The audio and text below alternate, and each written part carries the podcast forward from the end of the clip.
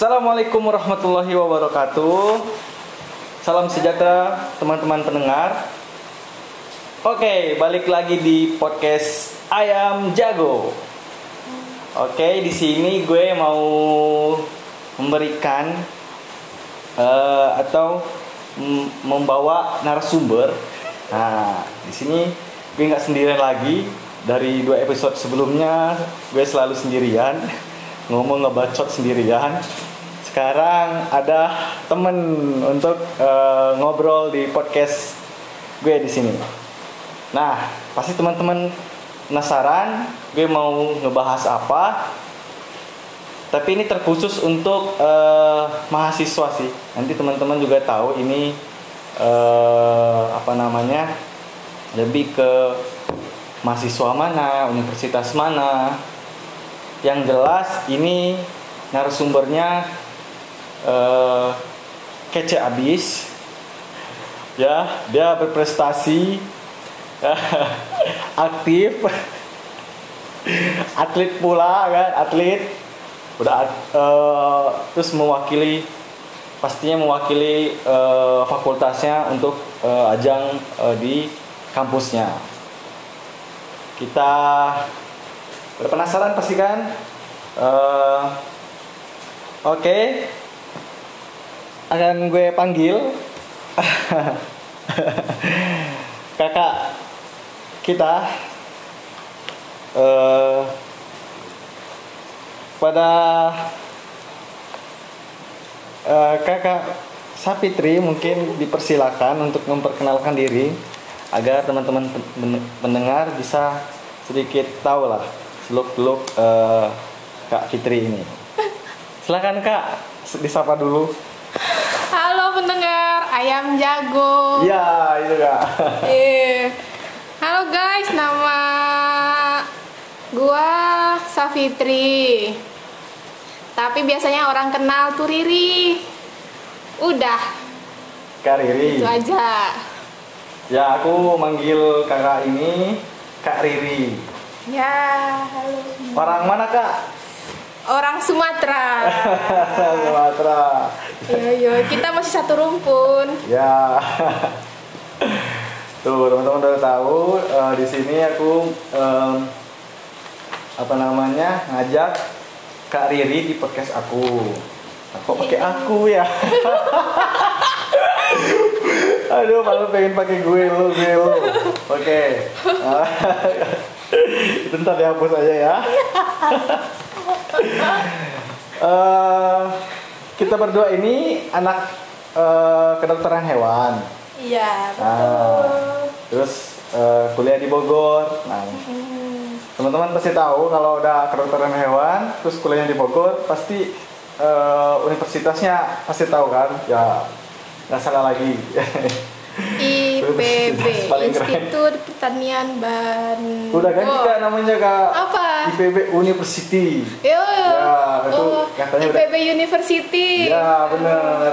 Biar go internasional gitu ya. ya. Riri ini juga angkatan 51, bener kak? Ya, betul. Mm, Sekarang udah koas gelombang berapa kemarin kak? Gelombang 1 2018 2019. Hmm, berarti ini udah di penghujung. Iya, di penghujung. Oh, terus eh maksudnya tinggal nunggu ujian-ujian atau nunggu USD US UASD? UASDH. Nah, itu. Sekarang lagi nunggu kompre Oh, bagian. masih ada kompre bagian. Iya, Terus? terus abis itu baru bisa UASDH, baru abis itu PSDH. Uh, itu yang dinanti-nantikan. Iya. Nah, eh terus terhambat dong Kak, gara-gara ini COVID-19 ini. Iya benar makanya eh, UASDH-nya diundur harusnya itu bulan April tapi ya sudahlah ya Hmm. semuanya diundur gitu. Oh, tuh gara-gara COVID-19 jadwal koas Mundur. eh, mundur. Jadi Iya. gue juga koas sih. Nah, tapi berdampak semuanya gelombang yang pertama yang tinggal eh, kompre kayak kayak Kak Riri. Ya. Nah, terus gue yang masih semester 1 baru dua bulan jalan juga mundur Aduh kasihan.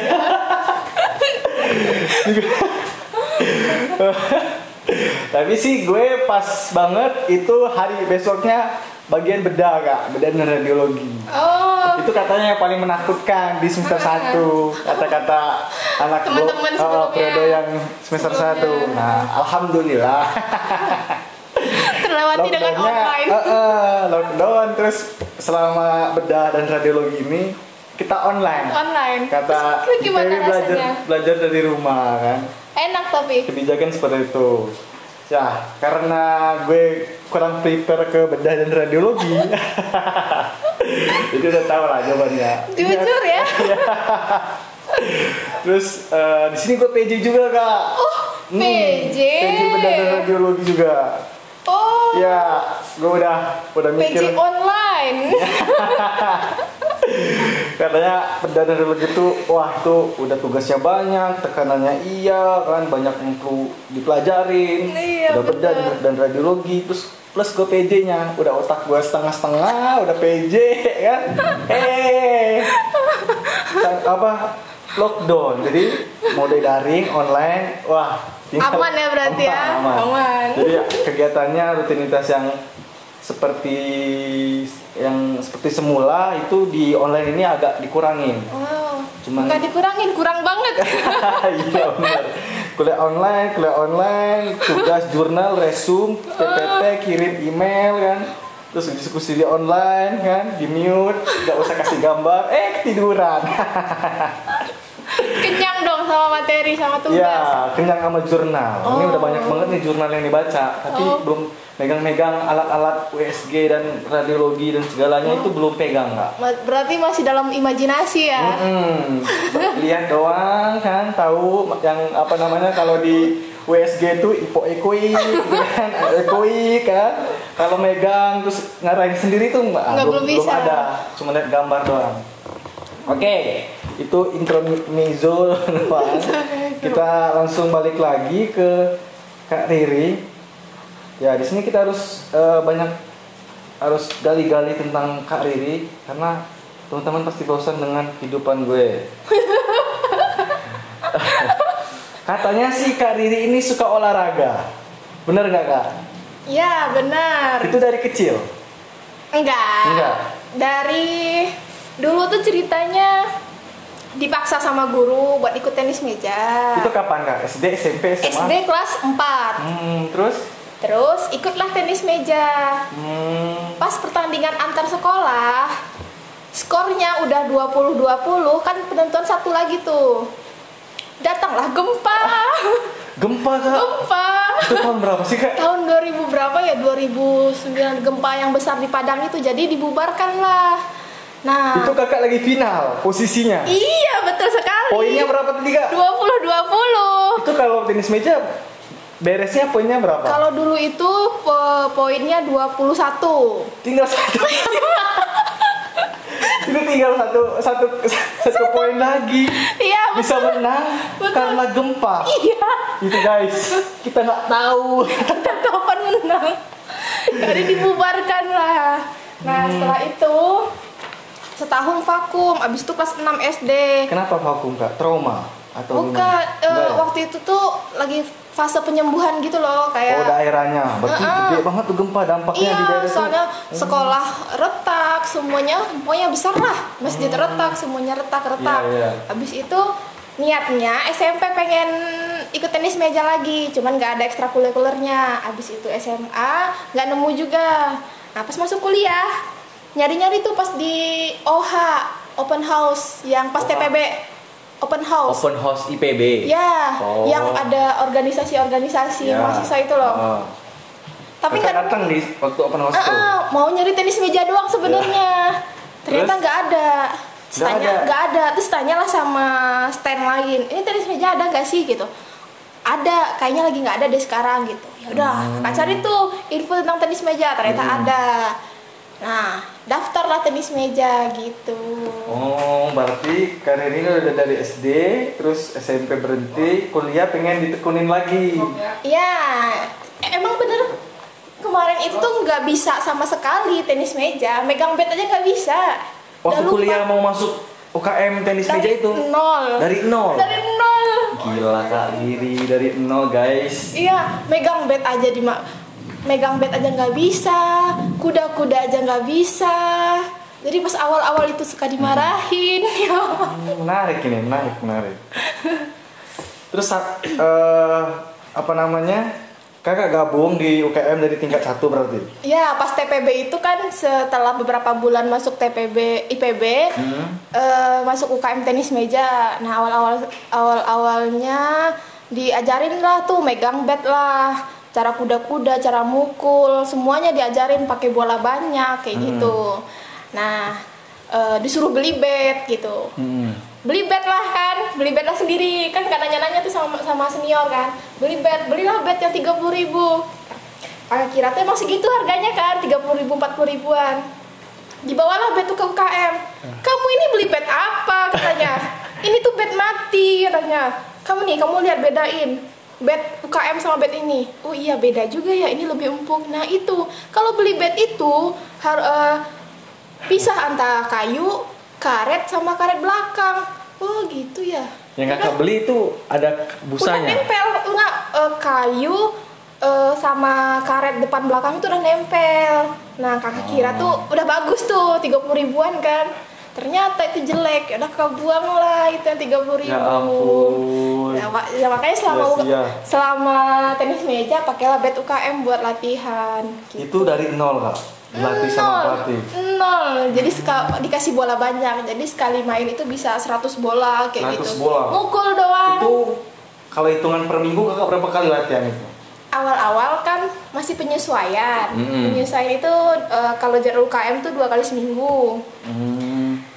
Awal-awal dua kali seminggu, sebulan setelah itu adalah senior yang pengen ngajarin ngajarin eh, anak 51 waktu itu. Hmm. Nah, dia intens. Itu anak 48. Di waktu itu dia masih menjabat sebagai apa? Penasehat UKM lah kayak gitu. Oh mantap. Nah, sekalian pelatih UKM juga. Terus ya udah suka latihan. Nah, waktu Jadi itu eh, lebih intens latihannya sama dia. iya sama Itu dia. bisa berapa kali dalam seminggu kak? Eh, bisa dibilang Oh, tiap malam. Eh, lima kali se- lima kali seminggu. Lima kali sehari kak? Minggu. lima kali seminggu. Lima kali, iya lima kali seminggu. Bet- Lima kali seminggu latihan. Iya benar. Itu apa namanya? Kakak juga mau itu ngel- ngelakuin itu. Mau dong. Tapi Malah kan katanya TPB itu lumayan sibuk kak. Ya TP, TPB itu ya benar. Bisa kakak bagi waktu ya? Bisa. Pak. Nah, bagusnya itu. Jadi, berangkat kuliah itu meskipun TPB sama asrama dekat, berangkat kuliah itu bawa baju, bawa sepatu. Belum waktu itu belum ada bed kan? Oh perlengkapan udah perlengkapan siap latihan. Siap latihan. Nah, Jadi abis bawa. ke Hmm. ini ke mana namanya? Ke mana namanya? CSR, langsung lah ke gym kayak gitu. Oh latihannya di gym. Heeh, latihannya di gym. Terus kalau lagi latihan UKM tuh biasanya kan malam tuh. Jam 9 kan udah apa namanya? Jamal ya di asrama. Ya, Jamal. udah lama banget dengan Jamal. Awal-awalnya takut lah sama Jamal kan, tapi akhir lama-lama kemudian enggak. Udahlah, nggak usah takut Jamal gitu. Oh jadi latihannya terus aja. Terus Jangan aja. Jamal. Iya, kadang-kadang ya udah nganggap nginep ke kakak kelas kayak gitu. Udah mulai bandel-bandel tuh dulu semester 2-nya. Berarti itu start latihannya kalau malam jam berapa kak? Eh, kalau malam itu jam abis maghrib lah, maghrib, jam setengah tujuh. Lewat dari Jamal. Gila itu latihannya lama banget kak. Ya, iya betul. Nah, pas intens itu, itu latihannya bisa mulai jam 5, jam 5 sampai jam 6 itu pemanasan dulu, pemanasan fisik sama pemanasan mukulin bola dulu gitu. Abis apa namanya? Abis maghrib barulah bola banyak. Hmm. Dari jam 7 sampai jam 8 atau setengah 9 Hmm. Setengah 9 sampai jam 10 Biasa jam 10 kan gym Hmm. YouTube Itu ini sparring sama eh, sama teman-teman atau kakak-kakak senior, kayak gitu. Hmm. Biasanya gitu sih sistemnya pemanasan. Habis itu bola banyak baru sparring gitu. Hmm, itu kakak nggak pernah ngeluh selama latihan yang intens terus jam 5 sampai malam sampai Jamal pemanasan dulu Oh. latihan bolanya 100 biji terus sparring kan itu ngebayangin tuh kak udah Lelah, capek kalau duluan. aku tuh kayak udah pingsan di tengah jalan gitu kan udah, udah, udah tewas gitu kan udah udah kabur pulang terus besoknya nggak mau latihan latihan latihan lagi gitu kan orang kan Iya. kebanyakan gitu kan sedangkan kakak tuh kayak cuman mau bisa doang dulu Iya, kan bukan nggak ada yang bener. kayak dulu kan orang kan get get banget tuh karena pengen jadi atlet lah Iya, atlet bener. Indonesia lah atlet Bener, provinsi ini nih cuman pengen bisa dulu menyalurkan hobi karena suka pengen bisa terus sesemangat itu. Keren sekali kakak Iya. Jadi pas masuk UKM tuh kan ada wawancara juga tuh. Nah ditanyain lah sama ketua UKM-nya. Hmm. "E, di sini tuh nggak ada pelatih, cuman yang ngelatih itu paling kakak-kakak senior katanya. Kamu di sini mau jadi atlet atau mau bisa aja? Hmm. Nah, Oh, ditanya kak, mau tanyain bisa tuh. atau mau jadi atlet? Iya. Terus? Kami lah, kakak ini kan dari nol nih. Hmm. Atlet pun butuh waktu yang intens buat, buat Dan latihan. lama gitu kan? Ya sambil jawab tuh kan diam dulu tuh. Iya. saya bisa aja nggak apa-apa kok kak gitu oh soalnya jadi atlet di sini susah katanya kalau saya atlet dulunya nah gara-gara ada masuk IPB nggak ada pelatih saya jauh dari teman-teman saya yang atlet di luar katanya gitu oh gitu oh ya udah deh nah gara-gara lingkungan dari UKM pun apa ya enak gitu loh Hmm. makanya lah kakak kebawa lah sama mereka buat latihan terus jadi semangatnya tuh dari mereka dari lingkungan mereka juga gitu Hmm, Jadi yang yang membantu kakak nggak kendor-kendor semangatnya ini lingkungan UKM juga Betul. baik enak gitu kan? Iya. Membawa kakak tuh bawa semangat kak, jangan nyerah, jangan ngeluh gitu kan? Iya, Latihan terus bener. sampai bisa, sampai bisa gitu. sampai pulang-pulang tuh pegel sebenarnya Hmm, kakak pernah ngerasain eh, ngeluh banget, terus capek banget, kayak pengen berhenti tapi Nggak kakak bisa. nggak jadi atau atau atau, gimana? Pernah ngerasain kayak gitu gak? capeknya mungkin pas pulang Pas pulang. besoknya itu pas mau berangkat kuliah Betul. nih misalnya Heeh. yang dipikirin tuh bukan gimana di kelas tapi gimana ya nanti pas latihan kayak gitu Apa gimana ini takut kecapean atau takut Enggak. apa? hari ini gue mau belajar apa lagi hari ini Oh. gue misalnya nih kemarin gue kalah la- aja lawan temen gue nih anak Ah. nomor satu juga Hmm, hmm. hari ini gimana gue bisa kayak gitu Oh. hari ini gimana eh, skor misalnya eh, kan 11 nih kalau sekarang udah 11 nih skornya mungkin hari ini eh 7 11 dia 11 gimana hari ini minimal eh udah naik lagi lah skornya kayak gitu. Jadi tuh gimana targetnya tuh bisa ngalahin temen satu angkatan? Padahal kita tuh bareng masuknya gitu loh. Hmm, jadi karena eh, kakak juga suka, terus semangat, Ah, terus lingkungan juga. lingkungan juga men- mendukung kakak untuk kakak nih pengen bisa, terus Iya. teman-temannya juga nge-support gitu kak. Bener, jadi membantu kakak gitu, makanya kakak eh, dari situ nyaman dengan organisasi namanya UKM tenis, tenis meja, ini. iya kakak mengakui diri kakak tuh udah bisa itu berapa lama kak? Dua bulan, sebulan, setahun, dua tahun baru ah ini aku udah bisa nih kayak gitu kak. oh Maksudnya dari jawaban kakak kan bisa dulu jawabannya pengen bisa aja Bisa lah cukup. Nah Ah. kira-kira kakak takaran kakak waktu dulu berapa lama lah baru nge- diri kakak tuh udah bisa. Bisa. nih? Sekitar dua tahunan Dua tahun kakak berjuang. Iya, dari baru- nol baru kakak bisa. bisanya pun itu masih bisa dasarnya doang Bisa dasarnya doang. Iya. Gila. Misalnya emang. misalnya kayak backhand, forehand, Forehand. atau eh, apa eh, service kayak gitu tuh Oh mirip-mirip badminton ya kak? sama. Forehand. Iya benar sama. Oh. Smash, spin, chop nggak ada ya? Nggak ada, Nah, ada. Di tenis lapang adanya. Oh. gitu. Nah itu tuh baru sekitar itu. Dua tahun kakak berjuang, cuman pengen bisa. Bisa Bukan iya. jago dan bukan pengen jadi atlet. Enggak, dan enggak, bukan enggak pengen ikut pengen mewakili IPB nggak ada impian kayak gitu Nggak ada, pengen bisa aja dulu Nah. dua tahun berjuang kak Nah, kelebihannya satu lagi nih di di keluarga tenis meja ini orang-orang di sana kayak senior yang udah jadi atlet. Tiap ada pertandingan, kakak pun diajak, diajak buat, ayo ikut, kan nggak bisa. Ya udahlah nggak apa-apa ikut. cari pengalaman Cari jam pengalaman. terbang Yo yo. Waktu pertama kali tanding itu di ITB. itu kakak udah diajakin sama senior senior Iya, ke ITB. Pas datang ke apa namanya ke stadion Iya. apa nah, ke lapangannya minder, sumpah minder banget. itu itu pertama kali kakak ikut Ikut turnamen? keluar ya turnamen. Wow, pasti lah ya, demam lapangan, Pasti. grogi. Saya kan juga ya pernah lah ikut turnamen futsal kan, tapi terus yang pertama kali itu pasti grogi, pikirannya banyak, aduh gimana ya nanti ya, Ja- ini ya salah ya, salah pukul, gini gini gini, ya, salah nangkap gini nih gitu kan. pasti demam gemeteran pucat gitu kan kan gitu juga Iya, apalagi kan kalau tenis meja satu lawan satu kan. Hmm, itu mewakili IPB Iya ceritanya. Gila. Kita kan sebenarnya buat cari pengalaman aja kalau kata Oh. senior.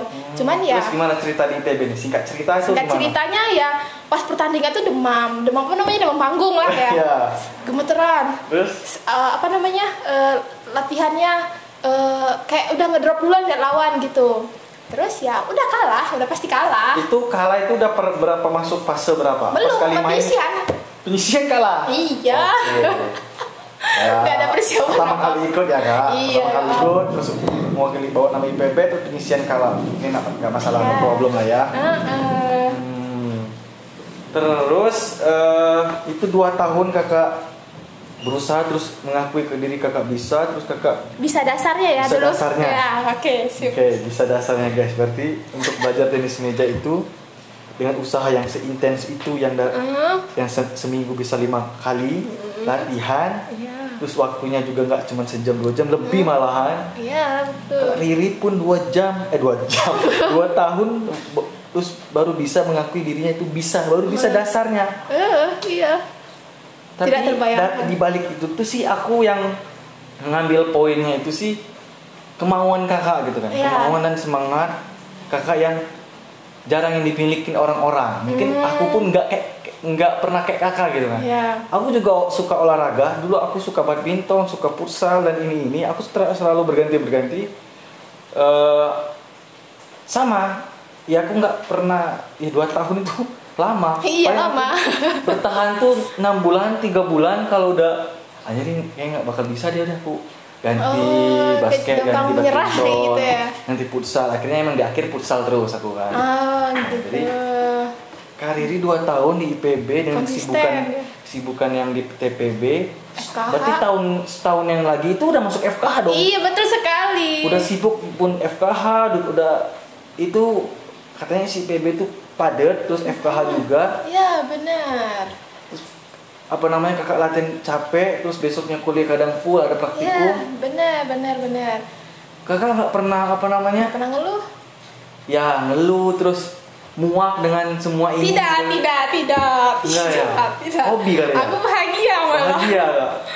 Iya, benar. Jadi kakak tuh udah ngerasa lingkungan kakak tuh di UKM yang sangat nyaman. Iya, benar. Jadi kayak aku nggak masalah latihan capek terus ini karena obatnya tuh di UKM tuh itu obatnya Iya, gitu kan. benar, Lingkungan UKM tuh obatnya gitu. Iya, heeh. Oh, itu juga apa nama sih kayak kalau pengen teman-teman ada organisasi Iya. kayak UKM yang di IPB atau BEM yang ada di fakultas atau BMKM itu mungkin bisa di sedikit dicontoh lah ya Ah, ya. apa nama singkat cerita kakak tentang eh, UKM kakak Riri Cap tenis meja ini gimana cara mereka itu merangkul kak Riri eh, untuk selalu stay di UKM tenis Hmm, meja selalu keluargaan gitu. selalu stay untuk latihan semangat di situ mereka mensupport semuanya baik dari Iya. dalam dari luar kan Iya. Eh, dari waktu latihan mereka rela sama-sama berkorban yang Ah. yang aktif di UKM berkorban waktunya untuk melatih kakak kak Riri juga berkorban waktunya untuk latihan sampai bisa Terus betul. udah si- sibuk juga mengurus organisasi gitu kan Iya. terus mereka mungkin di sana kakak merasa nyaman dengan keakraban Iya, cerita-cerita bener. terus itu poin pentingnya eh, juga. mereka saling tolong menolong ya nggak sih kak Iya, benar pasti, pastinya Pasti. itu. Iya. Hmm. Gitu. Dulu tuh kan pas awal-awal TPB, awal-awal masuk UKM 6 bulan di UKM lah. Mm-mm. Bisa dibilang bed tenis meja tuh nggak murah gitu loh. bed Bed bed kayunya doang ya. Maksudnya yang yang Yang oke, yang eh, standar. oke lah ya Ya. gitu buat main Itu Aku bed sih kayunya aja. Ah. Kayunya aja tuh bisa rentan eh, ya 400 sampai 600 ribu bednya Hmm. doang. Karetnya eh, satu lapisnya itu, misalnya merahnya aja nih. Ada sih harga 50.000 ribu, tapi tergantung kita biasanya pakai yang mana. Nah, kalau kemarin itu yang 400 ribu, 400 yang siap tanding lah gitu kak Ya, kalau mainnya ya, siap tanding 400 ribu satu lembar doang. Nah, belakangnya beda segitu juga uang gitu. sendiri itu kak belinya Dulu kan awal-awal saya nggak punya duit ya. Maksudnya duitnya dulu tuh masih awal-awal buat belanja gitu, buat Iya. jajan. Nah, jadi waktu itu ditolong lah sama UKM. Hmm. Soalnya satu tahun eh, eh, satu tahun berkarir di tenis Hmm. meja, mereka tuh kayak ngelihat gimana ya eh potensi eh, apa ya namanya keinginan di UKM tenis meja makanya mereka mau beliin bed gitu Hmm. jadi di inilah sama UKM dibantuin setengahnya Hmm. Mereka bantuin buat kakak beli badge itu. iya bener Gila itu Jadi- kekeluargaannya solidnya minta ampun itu kak. Iya, keren bener. pisan itu mah. apalagi pas masuk UKM itu kita juga ngejalanin satu pertandingan internasional waktu itu Apa namanya kak? kejuaraan tenis meja internasional lupa kakak eh, ininya apa jadi waktu itu pemainnya dari Vietnam Itu pertama kali kakak ad- eh UKM adain IPB apa Ah, udah ada sebelumnya? sebelumnya udah ada tapi yang internasional ini ber- ber- Internasional. iya Itu pas kakak jadi aktif-aktifnya. Jadi Iya. pengurus gitu istilahnya. itu ya. kakak kan masuk tahun 2014 Mm-mm. pertandingan itu tahun 2015 Jadi kakak pengurus. Terus pengurus eh, apa panitia organi eh, panitia kejuaraan Ah. plus ada juga latihannya tapi latihannya dua kali seminggu ya enggak enggak enggak lima kali enggak orang kayak orang gila itu wow, berarti UKM tenis meja IPB udah pernah ngadain kejuaraan internasional. Iya, benar. Sampai sekarang tahun 2020 pernah apa Eh, masih? kalau internasionalnya waktu itu kan kerjasama sama atlet Indonesia. Nah, terus tahun kedua itu Tahun keduanya? eh tahun kedua, tahun, Tahun selanjutnya, tahun selanjutnya kayaknya bukan internasional lagi deh, Nasional. soal- nasional. Oh, Sampai tapi kemarin. kakak pengurus inti kakak internasional ngurusnya. Iya betul, nggak eh, pengurus intinya kakak ada ikut tiga kali, tapi satu internasional, duanya nasional nasional gitu. Itu itu event yang internasional skalanya, terus udah plus ikut latihan, kakak kecimpung berkecimpung di sana, pengurus pun. Ya Terus kakak di sini juga ada kewajiban untuk kuliah dan akademik. Iya benar. Oh ya satu lagi. Gak kebayang aku ke ngebagi satu, waktu gitu satu kan. lagi pas hari kejuaraan itu lagi UTS UTS. ya Gila. kakak ingat bawa buku buat belajar anatomi di gym di gym. ya Di gym belajar Ya. belajar buat Iya, UTS. betul Mantap kak. Bisa. bisa dibilang orang gila dulu tuh ah cerita sama temen kakak bisa dibilang orang gila dulu tuh ya emang sih nilainya nggak nilainya mencerminkan usaha sih waktu itu ya rantai karbon kalau kata orang Ada karbonnya yang B aja lah ya. Tapi kan maksud aku kakak tuh masih apa ya? Yang kerennya itu yang aku ngambil poin itu itu aku ngebayang udah sibuk banget sibuk banget itu udah anggap aja udah kerjaan lah. Event berskala uh-huh. internasional udah, udah suatu kerjaan banget. Ya terus harus ngadepin kuliah akademik. Terus itu waktu UTS berarti ujian. Iya pas banget. Kakak udah pusing-pusing ngurusin apa event.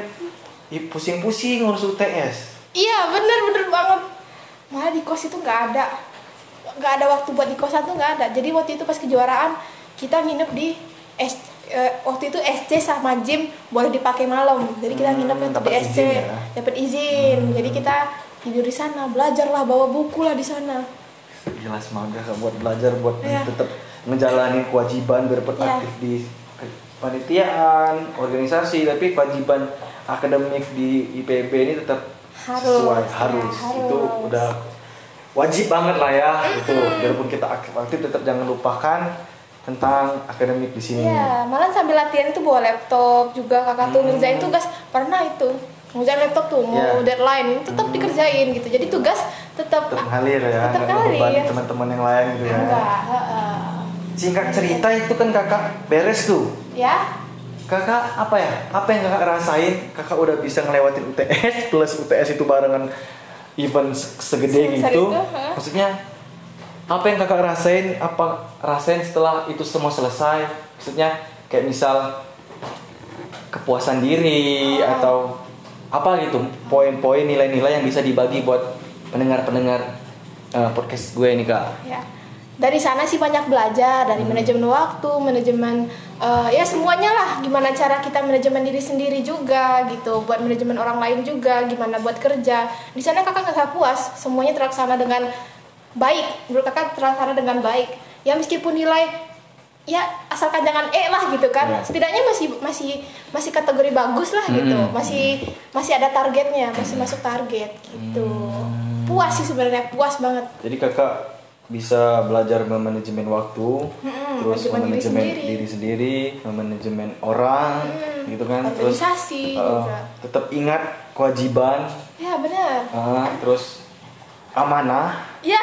tanggung jawab, gitu kan, Ya. tetap dilaksanakan. Nah, Itu apa namanya? Menurut aku sih kan orang ada yang berprestasi nih, kayak juara di misal Iya. juara olahraga inilah Ya, tingkat universitas ini. atau kalau akademik misal, misal karya tulis, paper Ya. kan. Menurut aku ini juga suatu prestasi kak. Misalnya Ya. kakak menjalani skala ini, panitian segede gini, UTS dengan kesibukan yang luar biasa itu aku nggak kebayang. Tapi kakak bisa ngelaksanain ini semua semua dengan sebaik mungkin. Iya. Itu menurut aku udah prestasi banget kak. Iya, makanya tuh dulu tuh nger- ngerasa di sana tuh gila, gila malah. Ya. Bisa dibayangkan tuh gila banget dulu tuh Kayak kakak bener-bener. merasa anjir ini gue bisa ngelakuin Semuanya. semuanya gitu.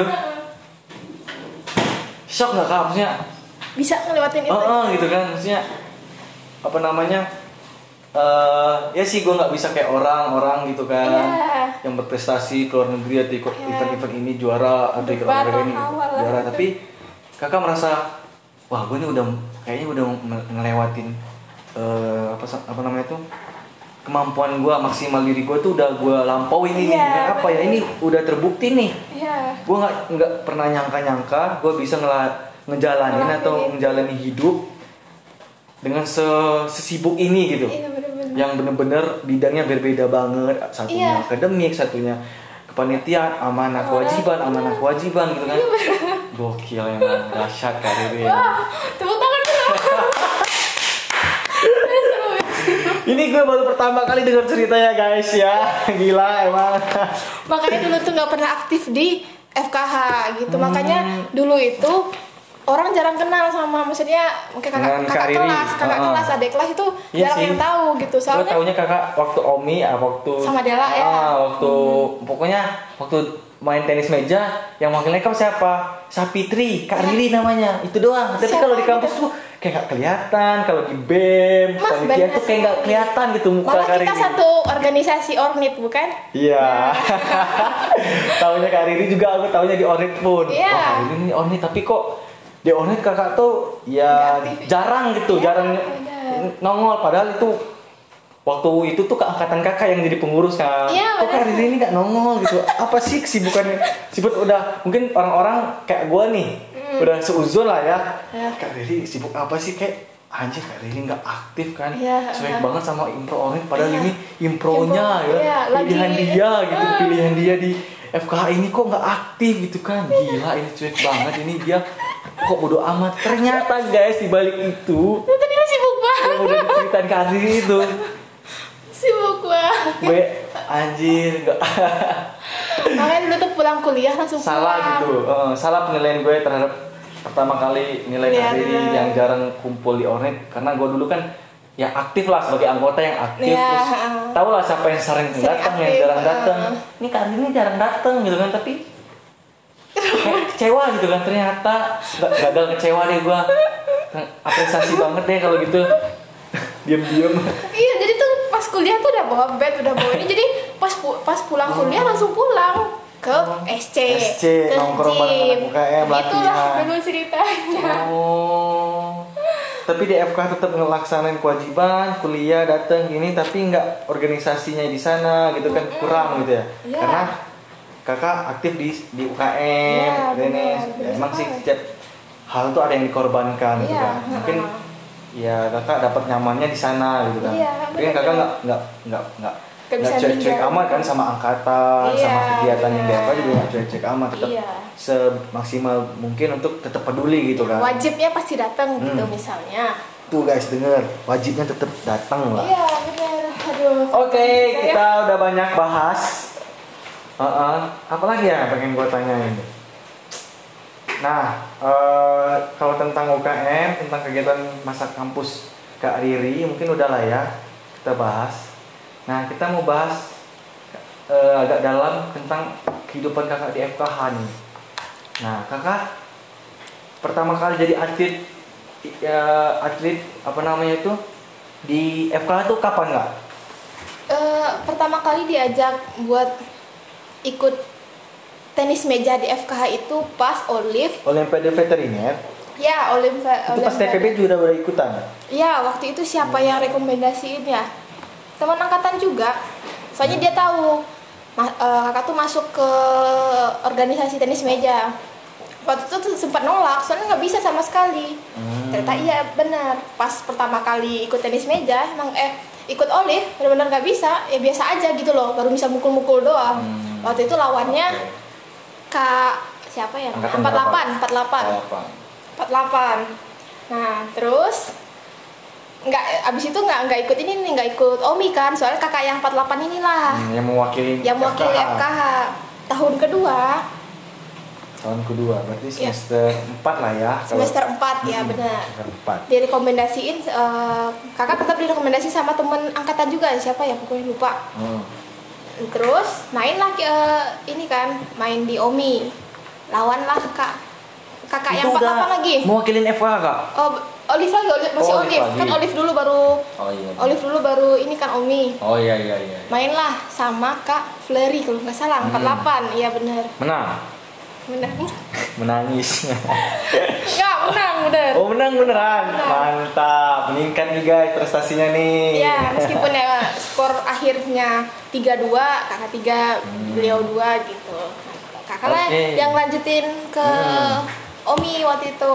itu eh, tingkat berapa biar Dua. bisa kepilih Omi Tingkat 2. berarti tingkat dua itu oh Olive dulu nih sebagai wadah seleksi buat Omi Iya. kakak kepilih itu buat mewakili FK di Omi Iya, bener. Olimpiade mahasiswa IPB Ya, betul. pilih itu kak tingkat kedua Ya, heeh. Hmm, itu main di bagian apa kak campuran ganda apa kayak gitu kan kayak badminton ya. kan Single sama double. single sama double double Double-nya tuh- sama Kak Flery itu. oh double Eh, double. Gimana ya? apa ya? Betina betina. Cewek-cewek gitu ya? Ya. putri-putri. Ya. oh bukan campuran Ganda putri. Nah, itu Ganda pasti putri. ya ganda Oke. putri. Eh, terus terus? Omi pertama kakak itulah ya? Ya, benar-benar. mana? Ya. prestasinya? Waktu itu oh kok dulu nanti dulu prestasi. Latihannya? Dulu itu latihannya FK kurang ya. kurang ya? Berapa FK ngelata- nyuruh latihan? Seminggu Dulu sekali tuh- dua minggu sekali Oh, itu mepet ke Omi Udah waktu mepet itu. ke Omi ya? Lupa itu cuma kayak latihan pribadi Dua- doang. hmm. Kayak ingat banget dulu sama Bang Sultan juga ada Hmm. latihan kita di gor lama di gym nyari nyari nyari nyari ruangan kosong kayak Hmm. gitu. Kita nggak punya pelatih dulu tuh. Nah, tapi waktu itu sempat juara tapi juara berapa lupa ya. ah juara Iya, sempat juara.